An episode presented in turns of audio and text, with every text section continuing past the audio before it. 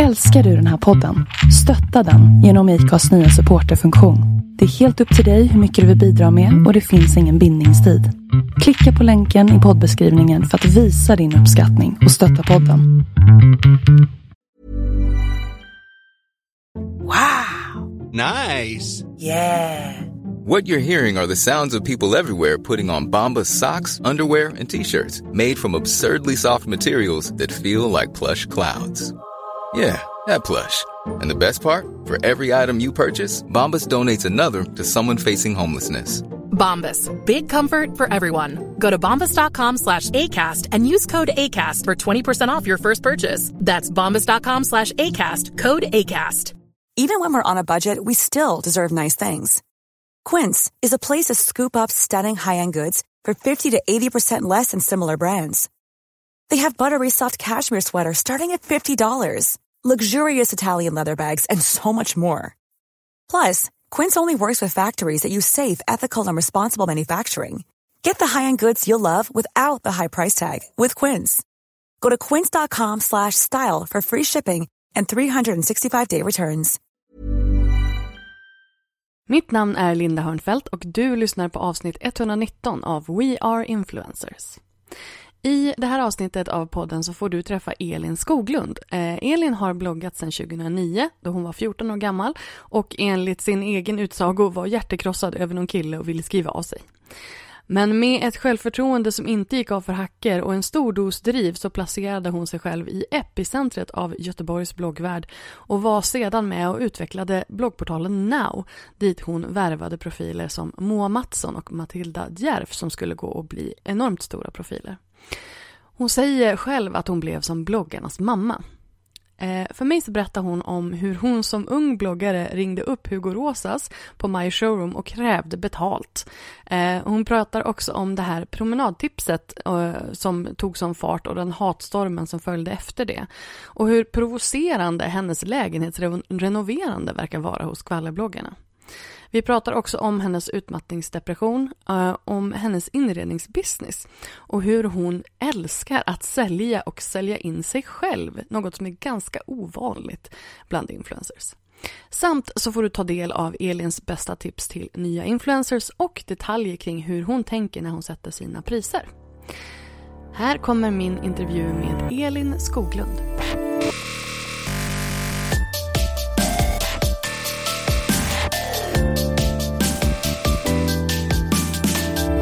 Jag har fått min första förfrågan om ett samarbete och jag har noll koll på vad som är rimlig ersättning. Jag har ju inte så stort konto. Är det lön i form av kläderna jag får som gäller då? Är det något mer jag bör tänka på? Känner du igen dig?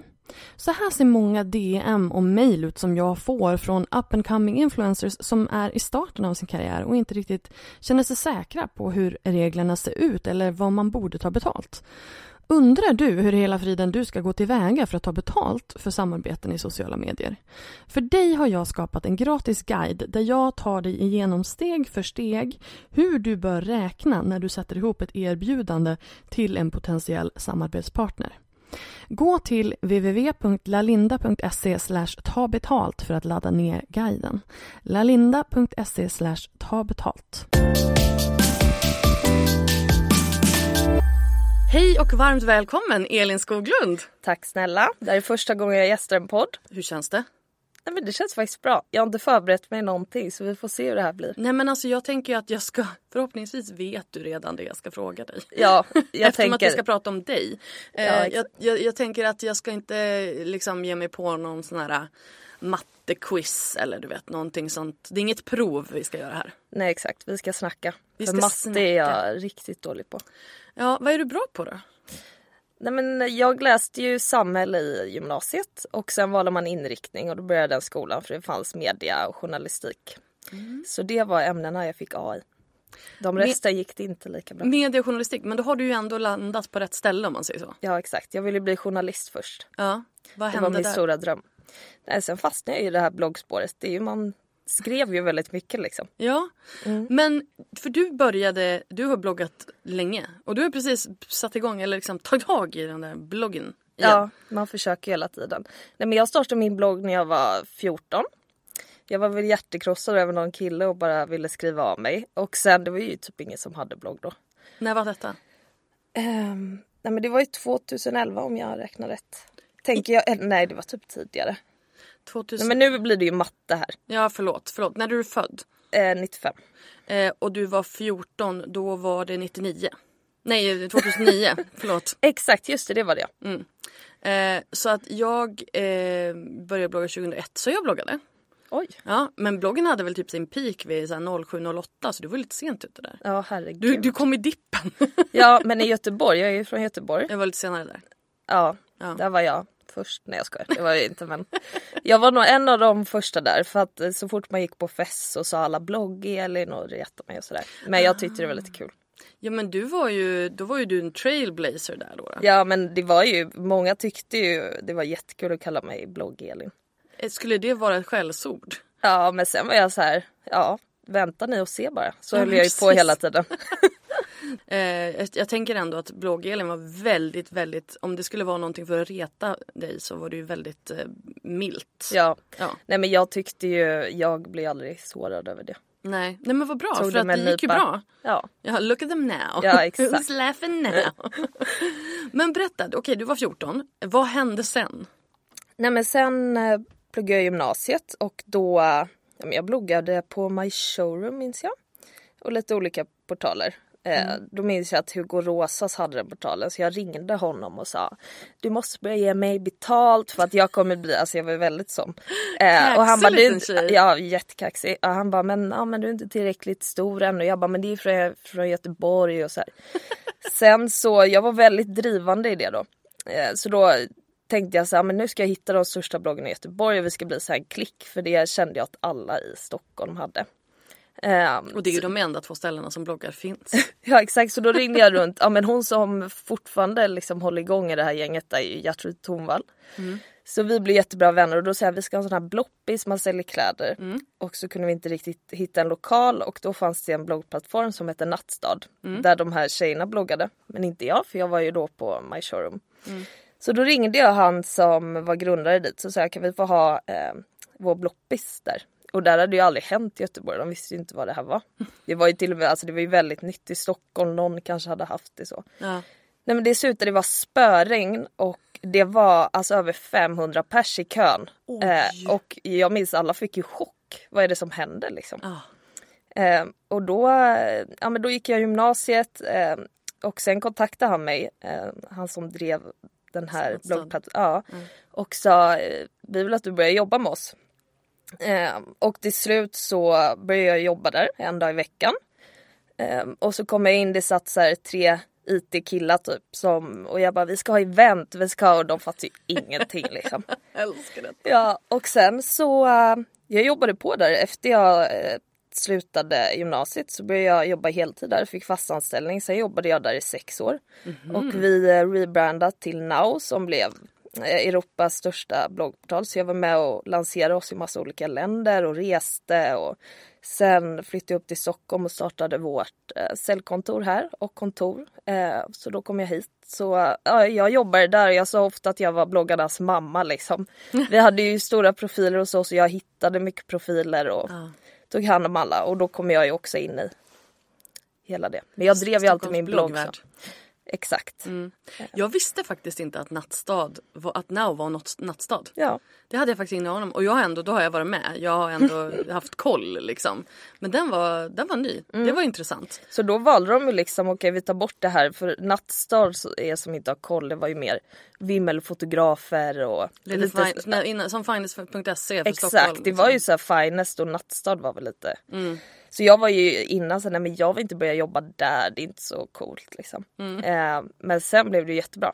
För du eh, gjorde det coolt. Exakt, jag med alla andra. Nej men sen, eh, det går ju jättebra för dem men ja, jag sa upp mig 2019 och startade mitt egna bolag. Då kände jag nu kan jag stå på egna ben, jag har lärt mig jättemycket och var redo för något nytt helt enkelt. Men, men berätta då när du då skulle börja liksom rekrytera bloggare till Now och sådär. Mm. Vad, var, vad var det du gick på? Vad var det som, vad, vad gjorde en framgångsrik bloggare? Nej, men jag, jag vet, jag, jag, typ Moa Mattsson då som, eh, hon hade en stor bilddagbok hade man ju då förr. Kände du till det? Jag hade aldrig någon. Men hon, men hon hade så här mycket följare bara. Ehm, och ja, Instagram var väl, hade hon ju också då men det var inte eh, Det var inte så stort som det är nu då. Och då tjatade jag på henne i två år att hon skulle starta en blogg. Hon bara nej men det vill jag inte. Och sen minns jag att hon startade en blogg sen eh, typ tre veckor efter sa hon upp sig från sitt jobb på ICA och körde heltid. Det är ju, Mm. eh, där, där har vi någon som har skjutit i, i höjden. Mm. Liksom. Det är riktigt coolt. Sen har vi ju, ja men Matilda Djerf bloggade på Now. Jag minns att hon var ute och reste, hon hade typ 900 följare och jag bara gud den här tjejen, nu säger inte jag att jag har skapat henne. Men eh, hon var liten då. Och då lyfte jag fram henne på hemsidan, jag promotade henne på min blogg och sådär. Eh, Så men- sort of kind of made her. No. Eh, nej, eller nej. Jag, Nej, jag det- tycker sånt är jättejobbigt men jag menar bara jag kunde se ibland så här, okej den här personen, Mm. om den kommer nå ut då kommer den nå ut stort liksom. Det är Alltså- många som kommer fastna. Ibland, jag blev också tipsad av någon när jag var jätteliten. Mm. Som bara gav mig en liten push som sen gör att, ja. Hon gjorde ju självklart jobbet själv. Jag menar finns det inte där så spelar det ingen roll. Jag brukar säga det liksom om eh, ja, men både Instagramkonton eller bloggar eller sajter eller så här. Det spelar ingen roll hur mycket trafik du skickar till någon. Om inte det finns en, en, en mottagning, alltså om det inte det finns en vettig Instagram-biografi eller flöde eller, eller som man fattar varför man ska hänga här. Så kommer ju folk inte, inte stanna. Nej Och då exakt. spelar det ju ingen roll liksom. Det var ju det jag tyckte var så fint, så här, vissa man pushade och liksom shit, de har verkligen slått igenom eller de slog igenom ganska snabbt efter. Ehm, så det var, alltså det var något jättekul. Sen lärde jag känna så mycket folk, fick resa. Vi lanserade i Polen ehm, och hade ett jättestort lanseringsevent där. Och, ja, men det var ju massa kul grejer. Men sen blev jag ju eh, utbränd då. Fick utmattningsdepression och och det var egentligen då när jag var sjukskriven mådde jättedåligt och sen kände jag bara att jag kan inte komma tillbaks hit. Ehm, nu måste jag börja något nytt kapitel. Men det där är intressant för det är det, jag känner igen det där själv. Jag har också haft två utmattningsdepressioner. Och efter min andra, det var då jag startade eget och började köra eget på heltid. Och det har ju räddat mitt liv. Ehm, att jag kan liksom anpassa min arbetstid efter hur jag mår. Exakt, ja, men det var verkligen så och att jag bara jag kan inte ha en chef som säger vad jag ska göra. Det bara går inte liksom. Nej. Och det var 2019. Det är ju ganska nyligen. Eh, 2018 blev jag utbränd och sen sa jag upp mig 2019. Ja. Och vad är liksom, vad, vad har, de här åren innan på Now, vad var, det, vad var det du lärde dig om branschen då som du har liksom tagit med dig nu? Nej men det var väl Sista åren jobbade jag mycket med koncept ut till kund. Eh, så jag var kanske mellanhanden mellan influencer och kunden. Eh, Okej. Och då lärde jag väl väldigt mycket oproffsiga, många influencers är. Eh, inte skicka deadline, de, de gör det halvdåligt, de slutar svara etc. Eh, och det tog jag ju verkligen med mig. Jag ska visa kunder hur man är proffsig liksom. Eh, så jag, många kunder blir förvånade eh, när jag liksom efter en kampanj skickar en prestation med all statistik. Kanske tar mig en halvtimme men det ger mig så mycket tillbaks och att liksom alltid skicka vid deadline. Ja, men jag är ofta till kunder så här att jag kommer till dem med en pitch med något jag vill göra. Så att det blir något mer kreativt så. Alltså om vi, om vi ska prata om den här branschen som, som en helhet lite grann. eh, Eftersom att du också har varit med så länge och liksom gräsrotsgrejen. Eh, alltså det är ju en bransch som är extremt bred. Alltså jag tänker så här att det finns många som kallar sig influencers som egentligen kanske inte är influencers. Och det finns många som verkligen är influencers som inte vill kalla sig det. Eh, och, och jag tänker att det är väldigt förvirrande. Både för företag och för de som faktiskt följer influencers. Har du några tankar? Spontana tankar kring det? Om att folk kallar sig influencer och inte vill bli kallade det. Ja, eller, eller tvärtom. Alltså just det här att Men, men jag är lite så här. Eh, jag har alltid, sen jag startade mina kanaler, så har jag alltså sen start sett det som det här ska vara min språngbräda ut till vad jag vill göra. Eh, när du är influencer så kan du egentligen bli vad som helst för att företag lägger extrema pengar på att få marknadsföring på våra plattformar. Tänk om vi gör det här och det här. Vi har ju redan marknadsföringsbasen. Eh, och det tror jag så är det viktigaste att tänka. Att jag vill egentligen ha mina kanaler till att växa för att de ska vilja följa med mig. Det frågar ofta mina följare. Men gud vill ni bara inreda er nu för jag skriver mycket om det. Eh, nej vi följer dig för att vi vill följa dig för att de har ju alltid varit med på allting. I alla fall de som har varit med så. Men jag också så här. Nej jag kan inte säga att jag bara är influencer för jag gör ju massa olika grejer. Vad presenterar du dig som? Ehm, ja, nej men jag jobbar med marknadsföring på sociala medier. Ehm, så brukar jag säga. Eh, speciellt personer som inte förstår sådär. Som inte förstår influencervärlden. Och det, och alltså det, för det tror jag att väldigt många gör. Att, att man säger att jag jobbar med sociala medier. Och sen om, om folk då är så här, jaha nej men det där förstår jag ingenting om. Eller jaha hur då? Eller med vad då? Eller, Och då får man liksom utveckla det. Men just att influencer-ordet har blivit så otroligt infekterat. Men det är ju för att eh, ja, men det finns ju de här skvallersidorna. Eh, som jag ja, ibland kan tycka de är lite roliga. Eh, de ska ofta poängtera någonting. Eh, jag hade ju en händelse. Eh, ja men det finns ju en, en, eh, en profil som heter Tramsfrans. Eh, och han, han gillar ju att göra lite narr av influencers. Ibland kan jag, jag ska inte neka, jag tycker det är lite kul ibland. Jag tycker också lite Eh, kul. jag sitter ju och garvar, alltså någon gång när han hängde ut mig för, eller hängde ut, alltså då garvar jag för jag bara shit det här lät ju skitkul. Men jag hade ju en grej när eh, häromveckan då någon frågade om tips, jag hade en frågestund. Och då sa jag, frågade de hur, eh, hur kan du enkelt förändra din vardag? Har något tips? Jag bara, jag har börjat promenera på morgonen så här, en, två timmar. Sen brukar jag gå hem och göra en juice och duscha och sen börja jobba. Eh, vilket var liksom speciellt för oss också som har varit utbrända. Alltså vi vet ju att alltså, motion, vara i friska luften är liksom så nödvändigt. Eh, och typ den grejen blev jag typ lite ledsen över då när han hänger ut så här, ännu en influencer med realistiskt tips vad man kan göra. Jag bara men alltså styr om det till 20 minuter eller alltså alla vill hitta något att hacka på hela tiden liksom och trycka ner oss som att vi är blåsta brudar typ. Och vad, och vad, för, vad, vad kommer det ifrån? För jag, alltså, okej, jag, det- jag kan lika gärna säga det jag vill att du ska säga. Nej men det jag tänker är ju att det här är ju från början en kvinnodominerad bransch där tjejerna är de som har dragit in de stora pengarna. Sen sitter det många snubbar och driver bolag som, som eh, ja men förmedlar influencers eller, eller sådana saker. Nu vet jag inte. Ja, men han, det var ju en snubbe som ägde Now där från början. Så att de sitter och cashar in på det. Men jag tror att hade det varit primärt. Jag, jag undrar om män blir ifrågasatta lika mycket. När det gäller sådana här saker. Eller om det bara säger, jo men gud det var bra, det var ett bra tips, det ska jag ta.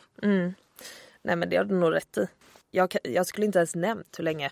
Jag skulle bara... Och, och, och det jag menar är så här, det är så lätt att hacka på grejer för att man lägger ut grejer hela tiden. Man orkar inte tänka tio gånger innan man lägger ut något hela Nej. tiden. För att man tänker att folk ska fatta. Eh, men det är ju också när du sa innan att jag ska hålla igång min blogg. För att jag försöker göra det för att min blogg har alltid varit min starka plattform, inte Instagram och så. Eh, och eh, nej men jag slutade ju under corona för att det blev så jäkla mycket pekpinnar. Och det blev så laddat eh, med allt man skrev. Eh, så då kände jag bara, jag orkar inte det här. Så hade det aldrig varit på min blogg. Jag har alltid haft världens härligaste följare. Eh, och nu börjar jag igen och jag märker direkt de här pikande kommentarerna och eh, men man blir ju osugen liksom. Och det, men jag tänker också så här. Du har ju du har gjort det här så länge. Och du har varit så öppen och folk har varit med dig i din resa. Och du är fortfarande ung liksom. Så att det känns ju som att vad har det, vad har det, vad hur har det här satt sig på ditt psyke liksom? Hur har det här eh, påverkat dig? Alltså Nej, men jag är väl, alltså det jag är, faktum att du är så en, offentlig. ja, men jag är ju extrem känslomänniska och jag är väldigt så här bortskämd med att alltid jag bara fått massa kärlek och sådär. Ehm, och det är ju lätt min sambo Max, då, han är ofta så här, men Elin skit i det nu.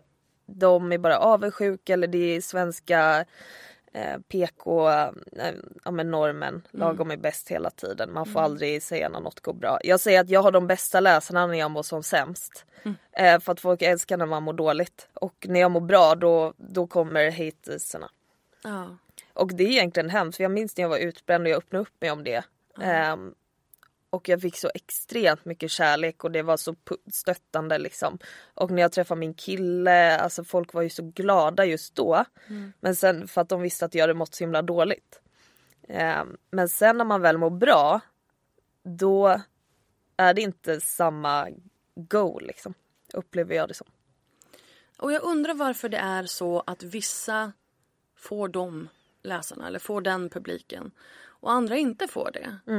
För jag menar, nu har jag ju absolut inte liksom samma storlek på mina kanaler men jag upplever ju väldigt sällan att jag får ehm, nej men att det blir de där pekpinnarna, absolut lite grann men inte alls på den Nej, men jag, jag tror jag vet svaret på det för att så fort du gör något, ja men typ nu vi har renoverat lägenheter och eh, kunnat steppa upp vart vi bor och sådär. Och vi har ju kämpat jäkligt hårt för det. Eh, vi renoverar lägenheter och så säljer man så kan du köpa en annan lägenhet och så här. flippen. Flipping, apartment flipping. Nu är jag lite trött, nu stannar vi ett tag. Men typ det är mycket avundsjuka i det. Eh, att någon kanske bor sådär. Då tänker de att jag har förändrats. Eh, att jag inte är samma person. Eh, folk har, alltså den svenska avundsjukan liksom. Eh, men nu ska jag ju säga att det är en väldigt liten procent som är negativ. Men det är ju den som tar över ens huvud. Ja, jag förstår det. För det är det jag tänker att man blir lätt defensiv då. Ja, alltså jag blir ju mest, ibland är jag så här, jag vet inte vad jag ska säga. Eh, men folk blev ju rent utav sagt arga på mig när vi sålde vår gamla lägenhet. De tyckte jag hade ljugit för dem. Om, eh, om att jag skulle bo där. Jag bara, men gud, liksom, hur kan man bli så arg över att man säljer en lägenhet? Nej men det är ju konstigt för det där är ju också en, en alltså det där är ju lite av en, eh, vad ska man kalla det, investeringsmodell. Exakt. Ehm, och ett sätt att, att tjäna pengar på. Men jag skulle säga att det är väldigt få procent som orkar renovera sådär för det är sjukt jobbigt. Det är därför så få gör det. Eh, för att ja, men det är psykiskt jobbigt att hålla på och flytta och inte ha ett hem liksom. Nej, precis. Och, och inte, alltså och bo i det också.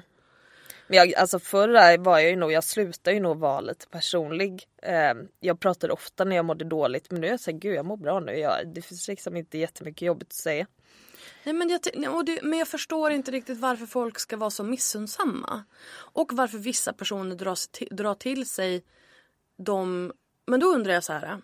Är det här en... För jag tänker att de som står lite utanför den här Stockholmsklicken, influencerklicken som du ändå ingår i.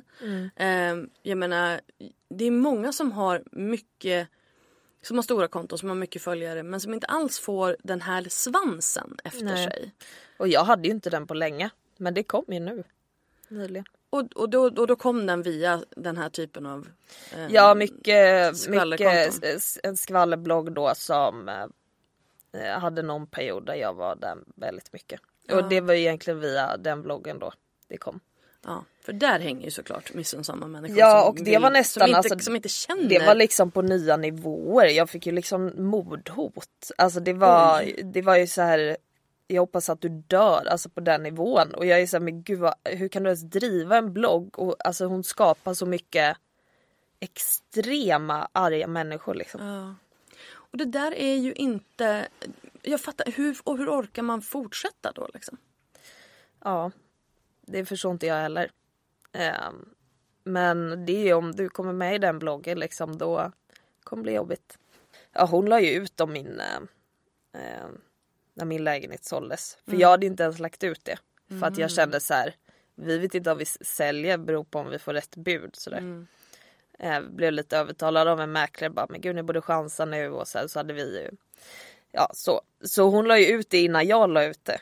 Eh, så ja då blev det lite knäppt där. Jag förstår inte vad, vad är det som driver människor som, in, som, som bara vill få, gå in och, och hata på det sättet. Men okej, vänta. Jag måste, det, här är liksom en, det här är en värld som jag inte är i och jag fattar inte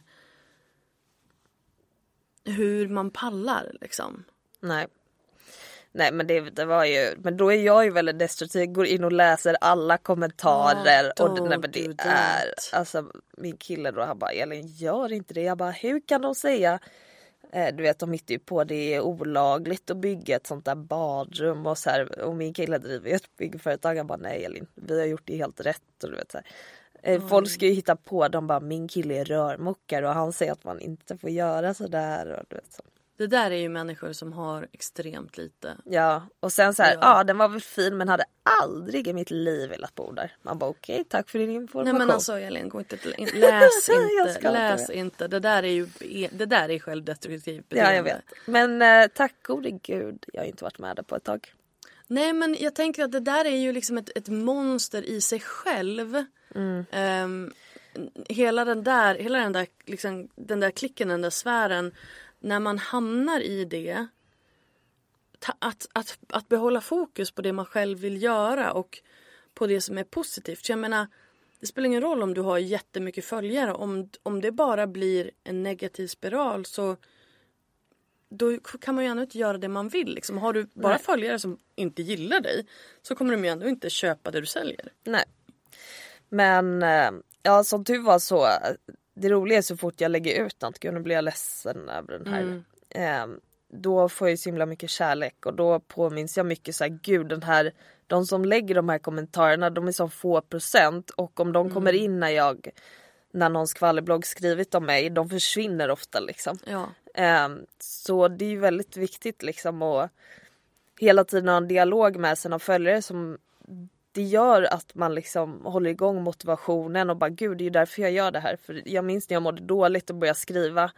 Eh, och mina föräldrar tyckte väl såhär, Elin du kanske inte ska öppna upp dig så mycket, du mår dåligt så. Eh, men jag kände att det här är mitt sätt att överleva genom att kunna prata med andra människor, kunna hjälpa någon annan. För det var ju hundratals som skrev till mig att gud du har, du har räddat min sommar för att jag inser att jag inte bara mår dåligt utan att andra också gör det. Så. Och den är ju, det är ju den som är den det som ger energi. Och så just det här också att, för jag tänker att när det gäller och, och, och om man ska tänka strategiskt ur ett personligt varumärkesperspektiv och sådär. Så är det ju just den här relaterbara sidan som gör att man fördjupar relationen. Så när du delar med dig av dig och, och andra kan känna igen sig i det. Och då, ehm, då blir, kommer ju närma, närmare varandra. Men sen då när, när det blir någonting som inte är så relaterbart som det här med att flippa lägenheter. Det är ju inte så många som har möjligheten eller som gör det som har kunskapen eller du vet. Och då blir det liksom, då, då blir klyftan Exakt. där. Eh, och då, då måste man ju ha den här relationen från början för att inte klyftan ska ta över. Ja. Nej men jag tror väl att i grunden så har jag ju Jag har ju använt min blogg till att skriva om kärlek, om tankar, om ångest. Det, det har ju varit min grundgrej med min blogg. Det har varit min öppna dagbok. Eh, och sen till slut så kände jag gud, jag orkade inte dela med mig hela tiden. Och när man slutar med det då och så kommer bara det här ytliga fram. Ja, Då blir det en stor klyfta liksom. Eh, så jag tycker det är så härligt när jag kommer in i, om jag börjar skriva med mina följare och man får en djupare relation liksom och då påminns jag varför jag håller på med det här. Men jag tycker väl det är viktigt att jag fokuserar ju på olika saker. Jag håller, ju på mycket med inredning nu och startar upp ett nytt bolag eh, som jag ja, men stylar folks hem och hjälper till med renoveringar och sådär. Mm, Eh, så du har liksom tagit den här flippen, tagit den exakt. vidare. Berätta. Ja, nej men jag, eh, det var under corona, eh, det var lite dött där ett tag med kampanjer. Det var det va? ja. Eh, och då var jag så uttråkad men det är typiskt mig då. Jag bara nej men gud jag lägger ut på Instagram nu att det är någon som behöver hjälp att styla hemma. Och då fylldes ju min inkorg och då bara satt jag med det hela tiden. Eh, och sen så insåg jag ju shit det finns ju verkligen en efterfrågan här. Eh, och jag, mitt mål är väl att hitta något slags koncept för att kunna få ner kostnader och kanske hitta färdiga mallar eh, för olika hem. Liksom, Ja. så. Ehm, så att ja, men du hade kunnat eh, skriva till mig och så betalar du en viss summa och så kanske inte tar det tre, dag, tre arbetsdagar för mig att styla utan då kan jag, ja men det här är Lindas stil, den här, den här, den här möbeln passar nog bra. Ehm, Det är ju skitkul. Och, ju- och kan du då få ner det också till att du kan typ Alltså jag, ju- jag vurmar ju väldigt mycket för onlinekurser. Så att liksom att skapa någon typ av så här stylingkurs, onlinekurs för det. Så där har du ju liksom en, en, eh, en till, till Men, men det man har problemet är ju att eh, följare är ju bortskämda med att allt är gratis. Alltså all, alla tips och all hjälp man får. ehm, och det är också det är därför många får kritik som startar onlinekurser. Och Mm. Det är man så van att få gratis liksom de Ja. tipsen. Ehm, men det är jättelyckat det här med inredningsgrejer och nu tycker jag det är jättekul. Jag kan inte säga att jag kommer jobba med det här i tio år Nej. nu tycker jag det är kul. Så får jag se, nu har jag investerat i bolag bygger upp en hemsida för det här då. Så Ja. nu måste jag ändå satsa lite på det. Vad kul. Men du säger att, att många får kritik för att de startar onlinekurser. Det här har jag helt missat. Har du? Ja! Uppenbarligen så lever jag i en väldigt eh, trygg litet hörn av internet. Gud jag läser för mycket skvallerbloggar. Ja, uppenbarligen. jag, jag- jag läser ju nästan inga. Men min kompis, jag glider in på eh, bloggbevakning ibland men väldigt sällan. Nej men Viktor Frisk och jag är ju bra vänner och han sa till mig, han bara Elin du måste sluta läsa de här bloggarna nu. Ja. Så vi hade ju någon deal eh, om förra sommaren när vi reste. Han bara Elin nu ska inte du läsa det på en hel vecka. Jag bara okej, så då slutade jag ju faktiskt. Men jag tror det var när hon skrev om mig ett tag, då blev jag ju besatt av att kolla hela tiden. ja. Jo, för, att- blir för annars fick man ett sms från någon, nu är du uthängd där. Nu låter det som jag är uthängd hela tiden men det var bara en period förra året. Ja men och då tänker jag så här, då kan du ju också räkna ut vart trollen kommer ifrån. Men, men jag tror ju inte att det är toppen för din mentala hälsa. Nej. Och för din utmattningsdepression som Nej. ändå är en, en sjukdom som, som inte... Alltså jag, jag personligen kallar mig åtminstone för att det där är en kronisk sjukdom. Som man får, inte, inte för att man är sjuk hela tiden men man måste ändå leva med vetskapen att man har lättare för att trilla dit. ja gud alltså jag har ju återbesökt min, ja, nu Nej, men jag äter ju fortfarande medicin. Nej, jag har jag med. Mm. återbesök med läkare varje månad. Eh, Jag får ständigt eh, backa några steg. Och Ja. jag, jag måste ju ha alltså, en sommar då. Eh, där jag åker till mitt landställe på västkusten. Är där i två månader och inte gör någonting. Och folk tycker såhär, men gud hur kan du hur kan du vara på samma ställe så länge? Jag bara, men gud det är det bästa jag vet att inte göra någonting. Inte ens ha smink med mig. Och bara låta mina föräldrar ta hand om mig. Ja men alltså ljuvligt. Nej men jag flyttade ju hem till Örnsköldsvik. Jag bodde ju i Stockholm i 12 år. Eh, flyttade hem till Övik för tre år sedan. Flyttade ut till ett hus på landet med inga grannar och jag har inte ens fiber. Och eh, ehm, har höns liksom. Gud det är min dröm. Ja men alltså det är helt Jag älskar ju, fantastiskt. alltså, eh, jag älskar att följa dina hundar. Men alltså visst är de underbara? Jag saknar dem så mycket. Ja men det förstår jag. Jag var på, på en PR-byrå innan här och, och där var det två hundar. Och jag bara...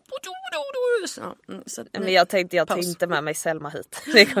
Åh, varför inte då? Jag bara, det är ingen som kommer prata med mig i den här podcasten. Du kommer bara sitta så med Selma liksom. Det hade funnits en överhängande risk för detta, ja. Ehm, nej men, och jag tänker liksom att där är du ju inte snäll mot dig själv om du utsätter dig själv Nej. för det här. För det måste ta så enormt mycket energi. Ja och det kan ju förstöra en dag liksom. Då, eh, men nu, jag skulle säga är bättre. Jag fokuserar på andra grejer nu. Ja. Eh, men jag känner att det är väldigt tydligt när jag börjar bloggen igen. Men då, då skrev jag ju faktiskt ett inlägg där jag sa så här, men det här tycker jag är jobbigt, det här kan ni också bättra er på. Eh, kanske lite mer konstruktivt och sådär och då fick jag jättemycket kärlek och kanske hade mer dialog. För jag tycker ju helt klart att man ska få kommentera eh, konstruktiv kritik eller till och med ge kritik. Men vissa grejer är bara så här, ja okej vad menar du? Elaka. Ja, Bara elakt och så onödigt. Jag läste det inlägget, jag tyckte det var väldigt bra och jag tycker att det är okej att ryta ifrån. Därför att om folk är otrevliga, alltså du måste ju stå upp för dig själv. Din, din blogg, dina sociala medier, jag brukar jämföra det med mitt vardagsrum. Och om du kommer in i mitt vardagsrum och börjar kasta skit på mig, då kommer jag att kasta ut dig. För då är inte du välkommen. Och jag menar, om någon börjar tjafsa och liksom använda så här, "Ni vet, yttrandefrihet, ja absolut du får säga vad du vill. Men jag har fått den här blockknappen av en anledning and I'm gonna use it. Så liksom, du har ingen, du har ingen rätt att snacka skit om Men mig det är och också så här, om- lite så här, men gud varför är ni så elaka? Alltså jag lägger så mycket tid på att mätta er. Exakt. Ehm, ehm, för att det är också så här, deras önskan är lite min lager ganska mycket liksom. Ehm, det är mycket jag delar med mig av, eh, ja, men kanske inredningstips. Vi säger så här, alla färgval i hela lägenheten som kanske tog mig två veckor att Mm. välja ut. De ger jag ju på en sekund liksom. Det är sånt som du ska ta betalt för. Exakt. Och det är ju också en sån grej. Jag har en eh, vän som är arkitekt och hon bara Gud du inte ge såna här tips liksom. Alltså folk betalar ju pengar för det här. Det, Exakt. det är ett arbete liksom. Och då Exakt. slog det mig hur hur eh, det är så inmatat i ens egna huvud att det är klart jag säger alla mina tips jag någonsin har. Men jag tänker lite, och nu kommer jag in här på eh, ett ämne som jag vet att du älskar att prata om. Eh, just det här att när någon gör någonting gratis då är det svårt för någon annan att ta betalt för det. Alltså jag tänker också mycket på det här med, med mikroinfluencers som tar emot produkter i utbyte mot inlägg på Instagram och sådär. Det urvattnar ju branschen precis som ehm, Ja men alla andra branscher som har frilansare som gör saker väldigt väldigt billigt. Jag vet att jag gjorde ju när jag började med alltså webbdesign och startade mitt företag så gjorde jag ju hemsidor superbilligt. Eh, och jag gjorde dem kanske svart en stund. Ja. Eh, och det är klart att då, då vattnar jag ju ur vad alla andra vill ta betalt liksom. Och det är det jag menar med så här influencers som kallar sig influencers och influencers som faktiskt jobbar med det. Eh, för att det krävs ju mer än att du skriver influencer på din profil för att du ska faktiskt vara en inflytelserik person. Ja gud ja. Eh, Du måste ju få in dina intäkter och alltså för mig handlar det ju mycket om, som jag snackade om innan, hur pratar du med en kund? Eh, vad kommer du med som influencer? Du sitter inte bara, för mig är inte att vara influencer att jag bara väntar och får in kampanjer. Eh, för mig är det kanske att eh, ta kontakt med en kund som jag tycker är grymt bra. Kanske pitcha in ett koncept där det varit kul att göra. Eh, de går med på det och jag blir överlycklig. Shit jag har fått in den här kampanjen. Alltså det blir ju, jag blir ju säljare åt mig själv och det Ja. är den bästa känslan i världen. Älskar att är det. sälja. det är Ja. väldigt, det, där tror jag du är ganska ensam. Är det så? Alltså när det gäller influencerbranschen så är det väldigt, väldigt få som jag har pratat med här i podden som tycker att det är kul att sälja. Nej men gud det är så roligt. Men jag, jag det här hänger ju kvar. Eh, när jag var yngre då, jag var ju galen i att sälja. Det här majblomma, jag vann skolans, eh, mest majblommor. Eh, nej men i klassen man skulle sälja fem paket med julkort. Eh, jag tror jag sålde 50 paket så jag kände inte typ hela klasskassan. Eh, och så blev jag sjuk under klassresan och fick jag till och med pengar av min lärare för hon bara shit det är du som har tjänat Ja, ihop men allt. vad, vad fin. Och det, man sålde de här idrottsrabatterna. Jag, jag kom upp, jag gick ner till ICA eh, nedanför oss, sålde allihop, gick upp och tog min brors. Sålde dem med, du vet till fotbollslaget. Så jag tror det där. Jultidningarna var du, det var din grej eller? jultidningar höll jag faktiskt aldrig på med. Va? Nej. Eh, Det var typ enda, jag, jag vet inte, jag tyckte inte det var lika kul för att då var du tvungen att knacka på. Jag älskade ju att, nej men majblommor var, de bara vi köpte av dig igår Elin. Jag bara, men då kan ni köpa idag igen eller ehm, Nej men du vet, jag, jag tryckte ju på de ömma punkterna hela tiden. Ja. Då känner jag ju att då är du ju i helt, då är du helt rätt Ja, position. så det kan jag säga, det är en del av varför jag älskar det här jobbet. Okej, men då är det ju, det- är här vi ska gräva ner oss med andra ord. There's never been a faster or easier way to start your weight loss journey than with PlushCare. PlushCare accepts most insurance plans and gives you online access to board-certified physicians who can prescribe FDA-approved weight loss medications like Wigovi and Zepbound for those who qualify. Take charge of your health and speak with a board-certified physician about a weight loss plan that's right for you. Get started today at plushcare.com slash weight loss. That's plushcare.com slash weight loss. plushcare.com slash weight loss. Planning for your next trip?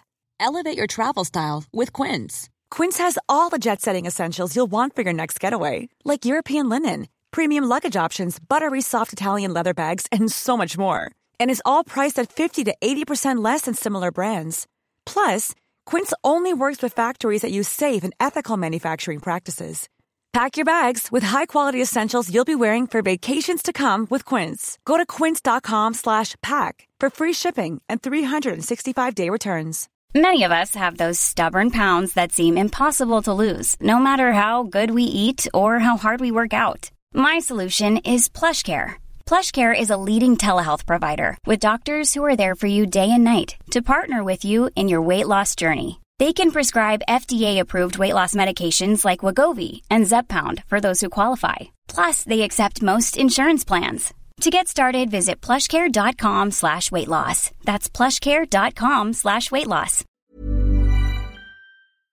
Mm. Eh, hur, hur gör man det? Hur säljer man in? För det, jag tror att de flesta tycker att det är jobbigt.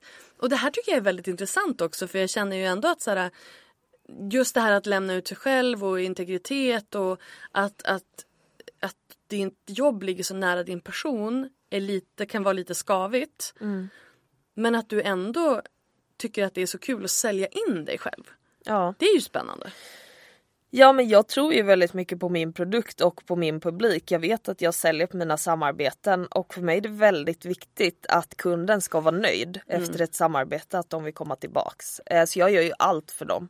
Eh, Och det är därför de litar på mig väldigt mycket och därför jag har mycket återkommande kunder. Eh, För att de upplever det proffsigt och att för mig är det inte bara att lägga upp ett nedslag liksom som vi har bestämt utan det är att gå all in i det här. Eh, och det blir extra tydligt för mig när jag själv har sålt in mig själv till den här kunden. Då ger jag till och med, då ger man ännu mer liksom. Hur gör man det? Hur säljer man in ett samarbete på ett bra sätt? Nej men då, då är nog mitt tips eh, att du letar upp kunder och då kanske du inte ska leta upp i Ikea och så här, du vet, de som man inte når. De jobbar redan med stora byråer. Så här.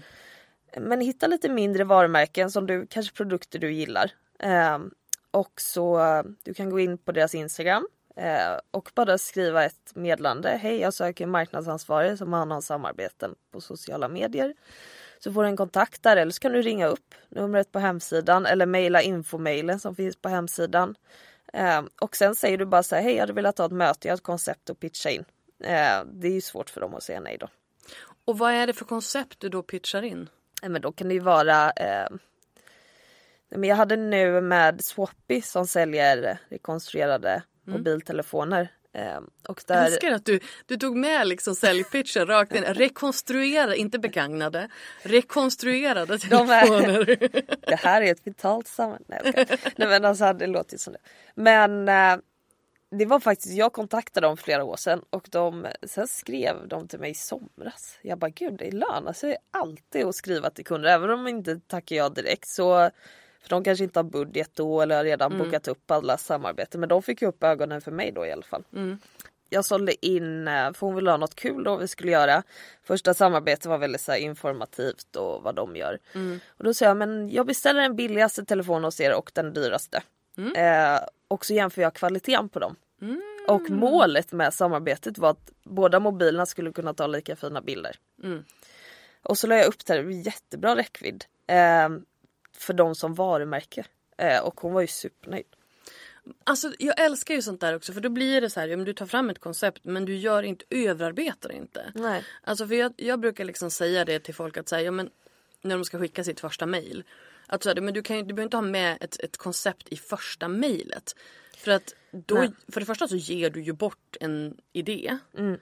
Eh, och för det andra så, alltså lägg inte ner en massa jobb innan du vet Nej. att du får tiden. Nej. Så. Ehm, men hur brukar du då göra med en kampanj? Hur många inlägg och... Men jag är ju, många kunder vill ju köra testnedslag. Förr, eh, det här ska ni aldrig gå på när eh, företag säger att test innebär att det är billigare. Det är snarare dyrare att göra testnedslag än vad andra inlägg kostar. Eh, det är inga rabatterade priser för mig att göra testnedslag. Det blir rabatterat om du kanske köper 10 nedslag. Eh, då kan man komma ner lite i pris eh, hos mig. Alla gör inte så. Eh, men det är ju en säljgrej liksom. Eh, om du köper mer så blir det billigare. Ja.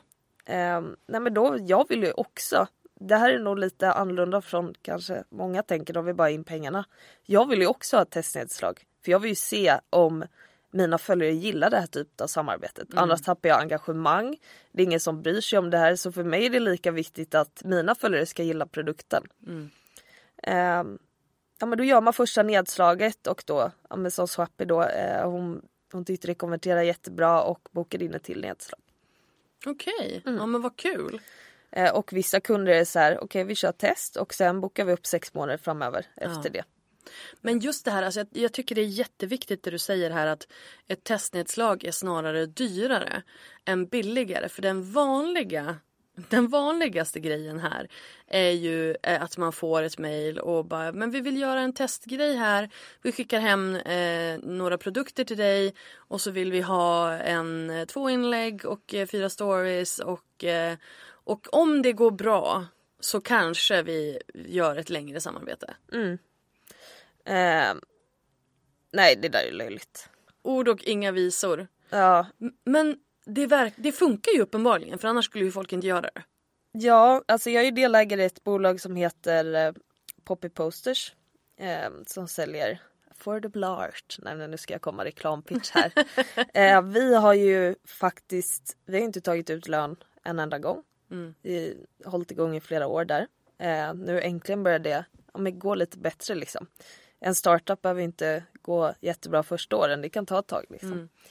Eh, nej men jag är ju jättemånga influencers skriver till oss. Eh, så där är jag ju på andra sidan. Ja. De kontaktar så här, gud kan jag få det här och det här och så gör jag det här i utbyte. Jag bara absolut, kör på typ. Mm. Eh, och jag är väldigt noggrann om någon kontaktar oss, hej vill jag ha ett samarbete? Och då säger jag ju, vi har tyvärr ingen budget men du kan eh, kolla om du är intresserad av något. Mm. Och återkom om du kan lägga upp något. Så där är jag ju på andra sidan. Eh, men jag lägger ju inte ett meddelande till en stor profil och skulle eh, Att du skulle inte kontakta en stor profil och säga att hej du får en poster om, vi, om du lägger Nej upp det här. exakt. Mm. Eh, men då kan jag säga, nej men jag har ju mycket vänner i branschen och eh, jag säger gud vill du pusha det här, det, det hade varit så schysst liksom. Mm. Eh, så snackar man ju då med varandra och Exakt. man hjälper också varandras företag. Så. Ja men det är ju en det är ju en kompisgrej, det gör ju jag med. Jag pushar ju också mina vänners företag Mm. för att jag är schysst.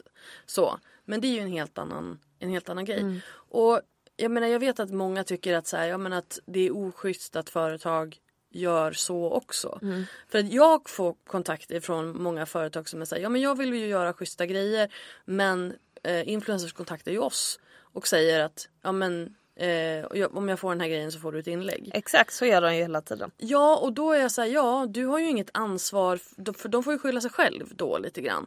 Men du som, då- blir ju du arbetsgivare. Alltså i det läget om du ger produkter till en person under ett år till värde för mer än tusen kronor då är ju, blir du arbetsgivare om den personen inte har företag. Eh, och det tror jag väldigt få företag vet. Eh, och det finns ju väldigt Är det till samma person? till samma person. Bra att posters är så billigt då. Exakt. men det är marknadspriset. Ja exakt. Ja. Eh, nej men nej precis och jag menar och jag tror ju att alltså posters eller mat eller alltså du vet samplegrejer där kan du ju ta ett tag innan du kommer upp till det. Men om vi tittar på olika klädföretag, smink, där kommer det ganska fort upp över tusen spänn. Ja, alltså jag kan säga att det finns ingen som provocerar mig mer än när man får bud hem. Ja. Alla de här buden alltså. Eh, och Nu nej, låter men då får man, lite bortskämd. nej, men alltså, nej men då säger jag att vissa bud blir ju, det, jag tycker det är få förr. Buden var ju extraordinära alltså. De De- var ju ja. fantastiska. Det var ju för att de ville att man skulle ja. ta en bild och Eh, upp. och då la jag ut på varje bud jag fick hem. Mm. Eh, nu är det ju, vissa produkter blir jag jätteglad över men mycket är jag ju Ja alltså jag kommer inte använda det här hudvården, alltså jag har redan hur mycket som helst och Ja. jag kanske redan samarbetar med ett hudvårdsmärke. Dumt att och, och sen får man en liten kollar. notis. Ja. Får man en notis från Pressbyråerna. Hej! Skulle du vilja lägga upp något om budet? Det- Då blir jag nästan lite så här. Fast Mm. det där tycker jag är så onödigt att skriva. Ja. För då sätter de nästan dåligt samvete på en själv. Och jag För jag har ju inte bett om det. Nej, och jag fattar PR-byråerna har det skitsvårt just nu. Eh, för, av just den där anledningen. Att så här, när, det här var ju lite roligt, när liksom bloggare kom, slog igenom där runt, ja men mellan typ 08 och 12 eller någonting sånt där så poppade ju upp PR-byråer som svampar ur marken. Därför att helt plötsligt så fanns det ju så många fler kanaler där man kunde synas gratis. Och, och det var ju toppen i ett par år. Medan det här var ganska nytt tills folk faktiskt insåg att vänta här nu. Jag behöver betala skatt på det här. Eh, jag kan, jag förtjänar bättre. Jag kan inte ta emot allting. Nu tror jag PR-byråer har det jävligt tufft. Och jag fattar att man blir lack när, när, det är så här, när någon hör av sig och så här. Tänker du lägga upp någonting om det här? Men de har ju en kund som som liksom vill se resultat. Men där gäller det ju för PR-byrån att liksom scouta. Ja, Ehm, absolut. kanske, okay, men Elin brukar lägga upp det här varumärket. Hon älskar ju det här så det här skickar vi till henne. Ja. Och det är där deras jobb ligger. När jag Ja. säger alla dessa bud så är det ju Jag är ju inte otacksam men jag är ju, ger ju bort det här eh, hela tiden till men, min familj, min pojkväns familj och sådär. Ehm, och det blir ju så när folk inte gör sin research. Mm, Jag blir jätteglad när eh, eh, PR-byråer skriver så här, vi har det här budet från den här kunden. Är det intressant för dig? Då blir jag, och då kan Mycket jag tydligt säga att nej tack ändå och ibland så här, ja gärna.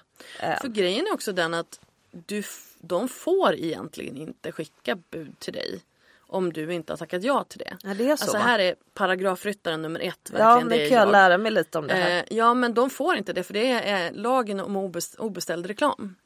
Så att de får inte skicka reklam till dig om du inte har tackat ja men hur till kan det. de göra det då? Men kära Elin, hela den här influencerbranschen är full av lagbrott. Ja, hela tiden. Men tänk dig att få ett bud som du absolut inte vill ha och sen får du dåligt samvete för de Och skriver du ska till skatta för det. Ja. Du ska skatta för det du tar emot oavsett om du lägger upp det eller inte. Om man ger bort det då. Det spelar ingen roll. Du ska, du ska ändå skatta för det. Och det är det här jag menar. Här får du ett bud för hur mycket pengar som helst. Som du inte har bett om. Men du ska skatta på det enligt Men Skatteverket. det åker ju upp på vinden. Ja, här. och det är ju så här. Alltså Skatteverket kommer ju inte veta vad som ligger på vinden om du inte har lagt upp det. Men enligt reglerna så ska du skatta på det. Sen, alltså jag, har ju frågat på Instagram hur många är det som gör det här? Det är typ 1%. Så det, ingen gör det. Men det är ju återigen, det betyder inte att det inte är en, en, en lag, en regel som finns. Men sen om den tillämpas, det är en annan sak. Ja, Men alltså här- jag, jag är väl så här. När jag jobbade på Now då, vi hade ju ett eh, magasin. Där fick man ta emot bud. För det får man göra om man har ett magasin. Så var i alla fall lag, eh, reglerna då. Jag vet inte hur det är nu. Och det tyckte jag också var så galet. Så en, en redaktion får ta emot bud. Mm. Eh, Men det här är skillnad. Det är skillnad mellan... För det första så är det skillnad mellan företag och privatpersoner. Eh, men det här har jag inte fått något riktigt svar på från, från Skatteverket faktiskt. Har Vad som är skillnaden. Ja, ja, gud, jag är på dem hela Mm. tiden. Eh, och jag har inte fått något vettigt svar på det. Vad är det för skillnad på en tidningsredaktion och en, eh, och en influencer? Men oftast är det för att man anses vara en privatperson. Mm. Och det är också så här, när det passar då är man privatperson och när, man, när det passar så är man företag. Eh, så att det är sånt, mm. Nu, nu Men- kommer men jag jag på ämnen som jag stör mig jävligt mycket på. Ja, alltså prylar man får hem eh, som man gör ett samarbete med. Mm. Det förstår ju alla vid det här laget att man ska skatta på. Men jag tror inte en enda människa skattar på buden som står utanför dörren som man inte har bett om. Ehm, Det är ju de som är pyttesmå som, har bli, som är livrädda för vad Ja. som ska hända. Det är de som sitter och betalar skatt på eh, en disktrasa de har fått hem. Liksom. Oh. Medan de som får hela nya kollektionen från eh, sminkkollektionen från Dior, de skattar inte ett skit. Alltså det är så, det är ju det, är det, det är så jävla ojämnt och det är så ehm, men det, det finns mycket orimligheter i det här. Men sen är det också så här att jag tror att anledningen till att företag kanske, eller till att Skatteverket inte plockar upp det här är ju för att det är såna här grejer som är hidden in plain sight också. Att man, man, för det var någon som hade skickat, eh, det var ett företag som hade mejlat till någon och sagt så här, ja men om du bara lägger upp det på stories, då behöver du inte skatta. Nej men gud. Om, om man bara, okej så bara för att det ligger på stories och folk inte hinner se det, eller att Skatteverket inte hinner se det, då är det okej. Alltså det, det, det finns så himla mycket där och jag känner någonstans att små mikroinfluencers som får en disktrasa, där är inte problemet. Det är inte där problemet ligger. Men när stora företag, eh, stora ex, alltså miljardföretag som systematiskt betalar med produkter och inte betalar arbetsgivaravgifter på det. När, när, då, då, har vi ju liksom, då har vi ju riktiga pengar som försvinner från välfärden. Så att där tänker jag att det kanske vore fint att lägga lite krut. Det håller jag med. Helt rätt. Nej men jag tycker väl att det är väldigt viktigt att se sitt eget värde. Ehm, och att även om kanske en produkt lockar som ett företag men så här, lägg in det i tid. Hur mycket tid kommer du lägga på det här? Det, det är liksom inte värt det. Plus att man förstör hela branschen. Mm. Eh, om man håller på så liksom. Jag är ofta, min syster är mikroinfluencer, 5000 följare.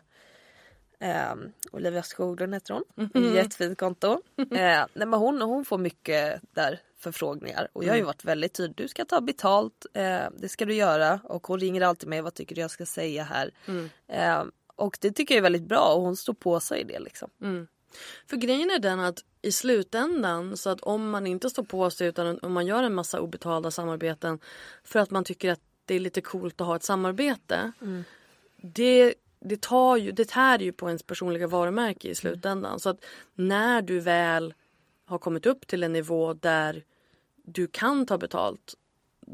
Hur ska du göra det då när du har inte gjort det innan?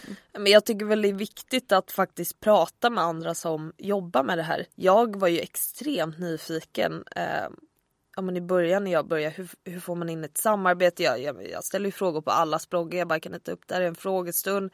Jag förstod inte liksom. Nej. Eh, men alltså man vet ju ungefär vad man kan ta betalt och jag tycker heller inte man ska lita på alla byråer vad de säger att man får. De räknar ut någon procent. Nej men Alltså, de tar ju ut- hälften. Ja och de räknar ju de säger att ja, men du får det, när de skriver till mig eh, en summa så jag börjar ju skratta liksom. Ehm, och de bara, men det, det är det här du ska ha betalt för dina följare. Jag bara, ja men hur kommer det sig då att jag har typ en full kalender och jag tar långt ifrån det här. Mm. Ehm, så att tipset är ju faktiskt att jobba ja, men till direkt med kunder. Slippa, Absolut. slipp mellanhänderna. Mellanhänderna tar hälften. Speciellt, speciellt om man är en liten profil. Ja. Det är en annan grej om man är en mega, alltså en svinstor profil. Då hinner man inte hålla Nej. på med det. Och då kanske man tycker det är värt. Eh, Men man ska vara medveten om att byråer äter upp eh, ja, men 50% i alla fall. Mm. Om inte mer i vissa fall. Så hur mycket kan man ta betalt? Ja, eh, alltså det är väldigt olika. Jag kan ju prata med, nej men pratar man om sånt här? Om man tar betalt?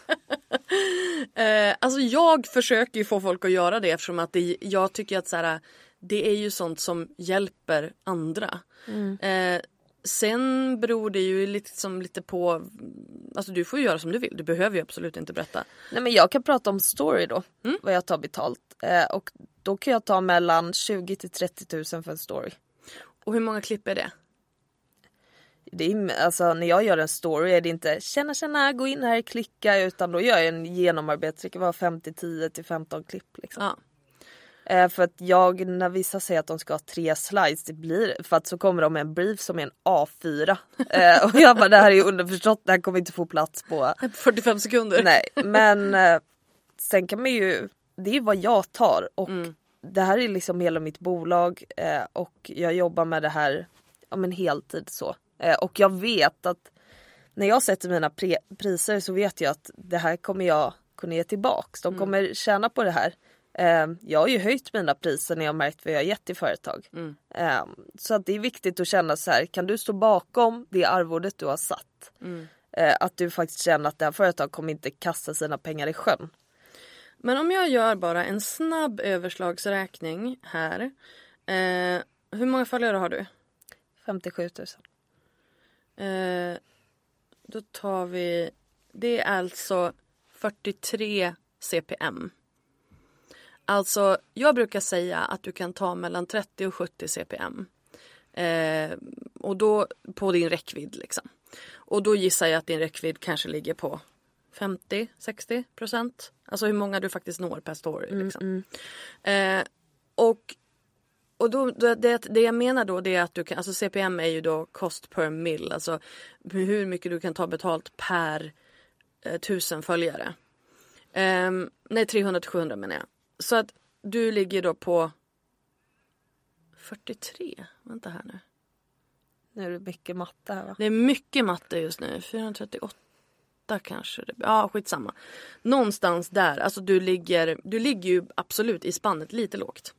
Ehm, Men, men då kan jag, alltså det är väldigt sällan eh, någon bara köper en story. Det är det jag menar också. Eh, och att, då är det ju så här, man köper något större liksom. ja. Ehm, så. och när jag säger så här 300 till 700 CPM per tusen Eh, inte per tusen följare då utan liksom per en räckvidd.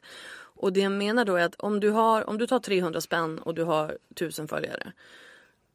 För det första, är det värt din tid att ta 300 spänn för ett inlägg? Det är, det är inga pengar. Nej. Och ska du då liksom strössla ner hela din feed med reklam för småpengar, det är inte värt det. Sen tycker jag så här, gud varför ska du sa innan att eh, folk tycker det är coolt att ha ett samarbete Ja. om man har en mindre. Och det så här, det är väl absolut inte coolt. Det, alltså, det, det, då är man influencer på riktigt liksom. Då, det, är lite... Jag menar målet är ju att ha så lite samarbete som möjligt. Jag, jag tycker ju jag håller helt med dig. Men det känns som att det har blivit en statusgrej. Att om du har samarbeten så då är du en, en riktig influencer. Liksom. För det är jättemånga som kommer till mig och säger jag vill bli influencer. Och jag bara okej, vad är ditt mål? Och jag, jag vill ha samarbeten, jag vill tjäna pengar. Och man bara okej. Men det är, man, man kan ju inte starta Det är en affärsmodell. Ja, det är också, du kan inte starta ett eh, företag, ja, jag vill starta ett företag för då blir man rik. Nej men gud, du ska ju starta ett företag som du tror på. Alltså pengar ska ju inte ens vara i ditt huvud då. Eh, Alltså det är klart att du måste tjäna pengar och det ska man inte be om ursäkt för. Men, men jag håller helt med dig att du måste ju du måste ha ett varför, du måste ha en passion, du måste ha någonting du drivs av. Mm. Du, kan inte, du kan inte bara ha pengar som drivkraft. Nej, pengar är ett resultat. Exakt. Och, och jag menar, vill du bara tjäna pengar då finns det massa annat du kan göra. Mm. Att, att bygga, upp, eh, en, bygga upp ett personligt varumärke i sociala medier det tar nog bra mycket mer tid och energi än att liksom gå och skaffa sig ett, ett människojobb. Mm. Så att, ja, jag, jag, men det där är ju också så här. Men det är väl också därför det är viktigt om, om du börjar jobba med det här, du ska ju inte bli... Alltså vissa går ju all in direkt liksom Ja. men... Eh, också så här, jag tror inte man ska eh, tänka att jag ska starta en Instagram, jag ska resa och ta massa snygga bilder för då kommer jag få en stor Instagram. Det är många som gör det och blir stora så. Eh, men det jag tror folk vill ha ett vanligt jobb, eller vanligt, nu kommer Människojobb. ett människojobb. Jag brukar kalla det för människojobb. Nej, men så här, vi 8 till säger 5 så här, jobb. Ja, 8 till 5 jobb har du. Och sen driver du dina kanaler och det är väldigt intressant för att du, du kanske vill att de ska följa dig. De tycker ju ditt liv är intressant. Många tror ju att ja, men jag ska vara influencer så jag ska leva ett influencerliv. Jag ska gå på event, jag ska shoppa. Ja precis, vad innebär det? Ja och nej men att vara influencer är ju att dela med dig av ditt liv, dina Exakt. tankar, dina åsikter. Enligt mig är det så i alla fall. Det är inte en livsstil man skapar. Nej. Eh, det finns många influencers som lever ute på landet, jag tittar mitt emot den, som många blir inspirerade av ditt liv. Eh, och om du hade levt i Stockholm och gått på events och shoppat och ja men du vet lite så. eh, Det hade ju inte varit du. Nej. Eh. Och jag har ju gjort det i livet. Eh, och, och det var ju också så här att det handlar ju om någonstans, jag, jag, jag sa det innan till en annan gäst som jag hade här innan. Att så här, allas liv är intressant. Det handlar ju om hur du vinklar det. Mm. Exakt och så. att hitta någonting i det som du brinner för, som du vill dela med dig, som kanske skapar en igenkänning hos andra. Mm. Det är ju det är där det ligger. Att liksom att, att för, vilja bli influencer för att springa på en massa event. Ja, Men då det är är Paradise Hotel din bästa. Ja, men jag kan säga att det, väg. det bästa med att jobba med det här är att ha följare och prata med dem. Mm. Och alltså för mig är det att känna att jag har hjälpt någon eh, Mm. att må bättre, jag har gjort någons dag bättre. Det kan ju vara min drivgrej i varför jag gör det här. Eh, och som du säger att allas liv är intressanta. Mm. Eh, och sen, men det kanske vissa vill skriva om mat. Mm. Då skriver man om det. Eh, Jag tror inte på den här grejen, jag vill bli influencer så jag ska åka och resa jorden runt för att ta massa snygga bikinibilder. Den där eran är lite över. Och vad är det du vill i slutändan? Mm. Alltså jag tänker någonstans här om du reser jorden runt och tar massa snygga bikinibilder. Toppen! Och du kanske får en massa följare och massa likes. Men vad är the endgame liksom?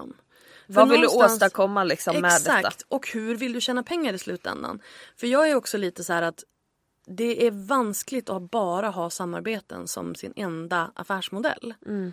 Och här, jag gillar liksom den tanken att du börjar liksom det här med mer med inredningen och Mm. sådär. För att, ja men du vet, Instagram, skulle Instagram försvinna en dag eller när de ändrar algoritmen eller ändrar förutsättningar eller ja men till exempel nu med länkbyte, alltså man tar bort swipe up och lägger till den här länkknappen som nu alla har helt plötsligt. Det, alltså man har ju ingen makt över det. Nej och det är ju mig, eh, så här, jag tycker man kan se Instagram och sina plattformar som liksom språngbrädan ut till vad man vill göra. Exakt. Ehm, och förlita dig inte på Instagram som plattform.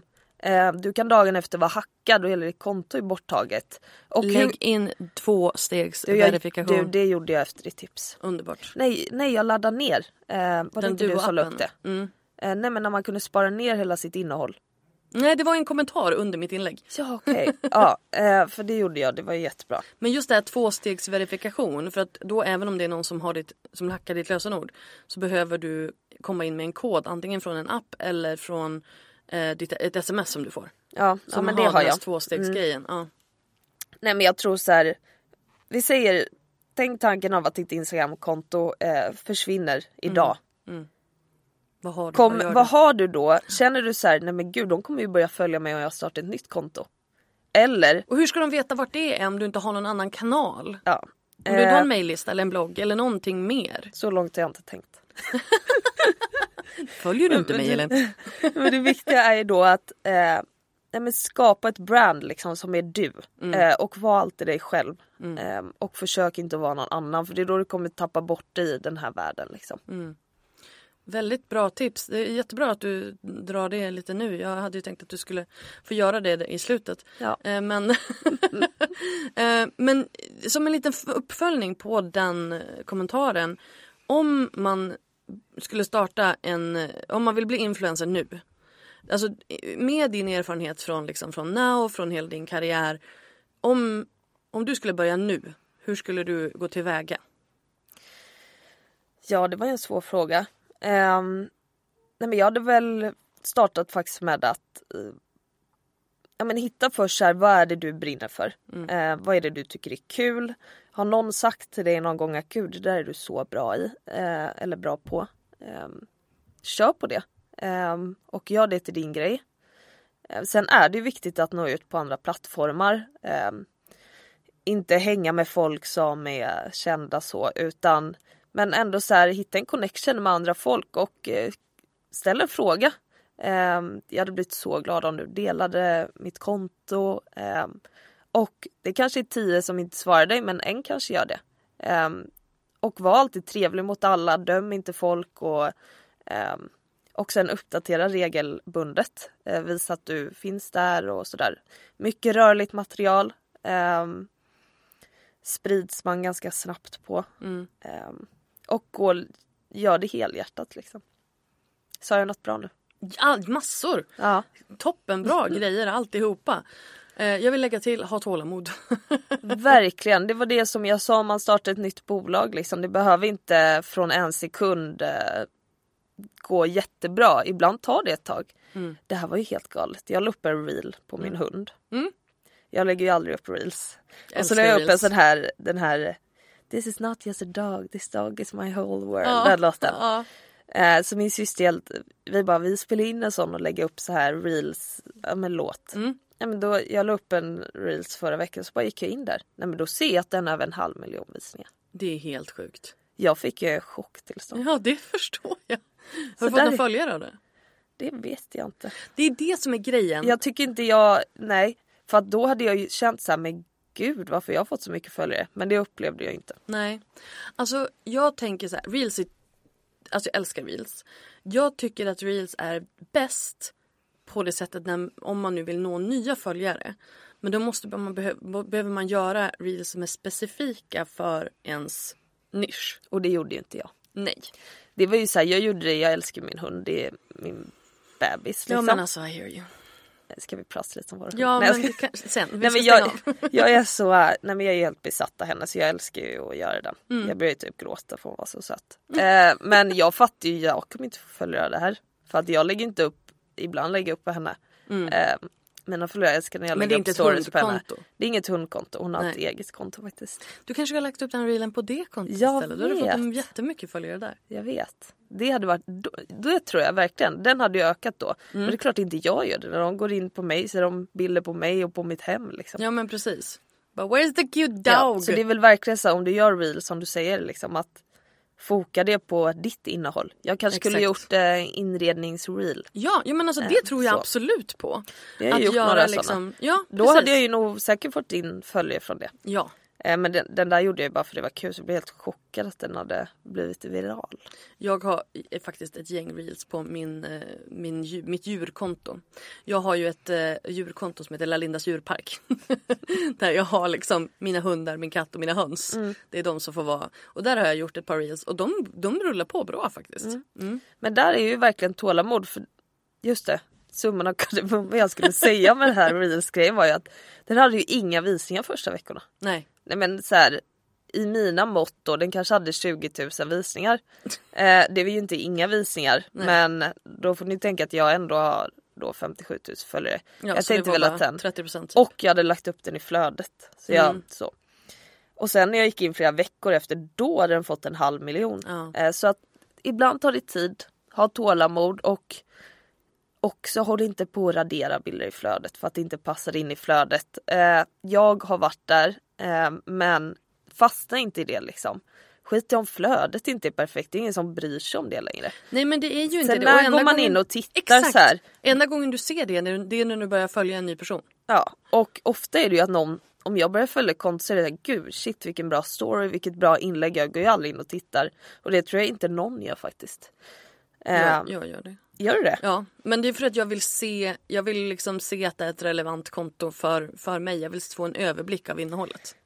Ja, jag Så förstår. att jag inte börjar följa någon för den här gulliga hundreelen och sen är det inga hundar. nej, nej, men det gör väl jag med. Men jag menar väl mer att kanske att man inte skulle följa för man tycker färgkoderna inte nej, nej, passar nej, ihop. nej, gud nej. De, de skiter jag i. Färgkoderna skiter jag fullständigt i. Men det är ju en, jag är ju också så, det gör ju ont i mig när en bild inte passar in. Eh, Men, Jo men lite grann i mig med men jag men låter man inte måste det försöka stoppa upp det. hela- Det är så här, lägg upp det du tycker är bra. Om det här är en snygg bild, skit om inte, det, om inte den passar in, lägg upp den ändå. Ja. Eh, för det är det som kommer ge dig spridning. Ja, Eh, att lägga upp bilder du själv tror på. Inte bara tänka att den här, den här kommer vara snygg i mitt flöde. nej Eh, precis. så satsa på bilder du liksom, shit det här kommer bli bra. Och jag hade ett tag där jag, eh, det var ju länge sedan då, men man kände att vissa bilder fick sån spridning. Det var ju ofta så här, ja men bikinibilder. ehm, ja men det var liksom en viss typ av bilder och sen kände jag gud det är inte ens jag som driver det här kontot längre. Det är Instagram som tvingar mig vad jag ska lägga upp. Eh, och sen bestämde jag mig bara för att jag ska bara lägga upp grejer jag själv inspireras av. Inte vad jag tror kommer få mycket likes. Och då släppte också hela den där pressen. Och jag kanske inte får lika mycket likes på alla bilder men jag ökar ju följare hela tiden. Och det blir roligare. Ja och nu kände jag så här. Då fick jag tillbaks liksom, så här, gud det här tycker jag är kul. Underbart. Underbart. Och det är väl någonstans summan av kardemumman, kontentan. Eh, att det måste vara roligt för annars kommer du inte orka hålla ut. Exakt. Och jag känner i mina apps är ju när jag, när jag får ha mina deep talks med mina följare. Kanske att jag öppnar upp mig, jag får råd och stöd tillbaks eller jag kan hjälpa andra. Och också när jag lägger upp material som jag tycker är fint och roligt och bra. Eh, och inte bryr mig så mycket om att det här ska jag lägga upp för att det här tror jag kommer få mycket likes och sådär. Underbart. Jag tycker att det var en fantastiskt bra avslutning. Ja. Eh, hur känns det nu efter din första podd?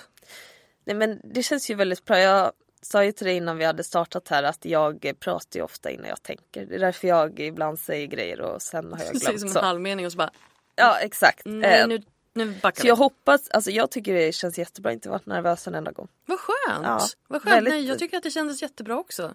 Så att, vad fint att, det, att vi skapade en, en första gång för dig som kändes bra. Ja men tack snälla för att jag fick vara med. Ja men tack för att du tackade ja. Ja. Nu ska du åka hem till dina höns. Mm, inte riktigt än. Nej. Men snart. Jag saknar dem. Ja jag fattar. Ja. Puss och kram! Puss! Hej då! Tyckte du om det här avsnittet? Då får du hemskt gärna dela det på Instagram och tagga mig att lalinda och hashtag weareinfluencers. Vill du ha hjälp med att utveckla din egen influencer business?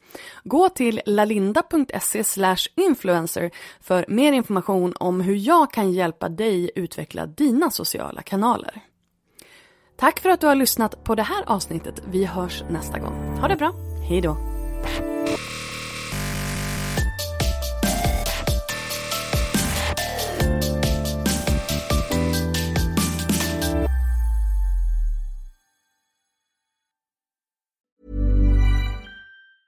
Mom deserves the best, and there's no better place to shop for Mother's Day than Whole Foods Market. They're your destination for unbeatable savings, from premium gifts to show-stopping flowers and irresistible desserts. Start by saving 33% with Prime on all body care and candles. Then get a 15-stem bunch of tulips for just $9.99 each with Prime. Round out Mom's menu with festive rosé, irresistible berry chantilly cake, and more special treats. Come celebrate Mother's Day at Whole Foods Market. Planning for your next trip? Elevate your travel style with Quince. Quince has all the jet setting essentials you'll want for your next getaway, like European linen, premium luggage options, buttery soft Italian leather bags, and so much more. And is all priced at 50 to 80% less than similar brands. Plus, Quince only works with factories that use safe and ethical manufacturing practices. Pack your bags with high-quality essentials you'll be wearing for vacations to come with Quince. Go to quince.com slash pack for free shipping and 365-day returns.